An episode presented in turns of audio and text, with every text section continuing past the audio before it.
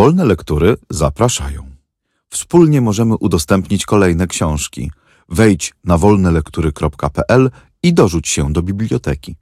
Audiobooki wolnych lektur są udostępniane na wolnych licencjach, co oznacza, że możesz je swobodnie wykorzystywać, udostępniać, pobierać i publikować pod warunkiem zachowania warunków licencji i zgodnie z zasadami wykorzystania wolnych lektur, które znajdziesz na naszej stronie wolnelektury.pl.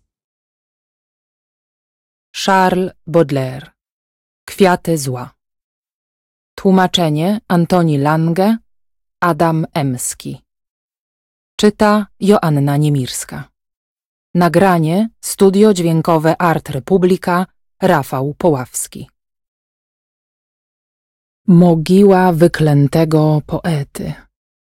Jeżeli kiedy w głuszy nocy ciemnej jaki chrześcijanin z litowaniem tknięty śród starych ruin do nory podziemnej twojego ciała rzuci trup wyklęty, to w chwili onej, kiedy mgłą zasnute zagasać będą złotych gwiazd gromady, pająk prząść będzie sieci swe zatrute, a żmija dzieciom sączyć w kły swe jady na potępionym Twego ciała pyle, cały rok słyszeć będziesz w Twej mogile rozpaczne wycia stad wilków drapieżnych, starych czarownic bezecne uściski, ohydne śmiechy żebraków lubieżnych i syki gadzin i zbrodniarzy spiski.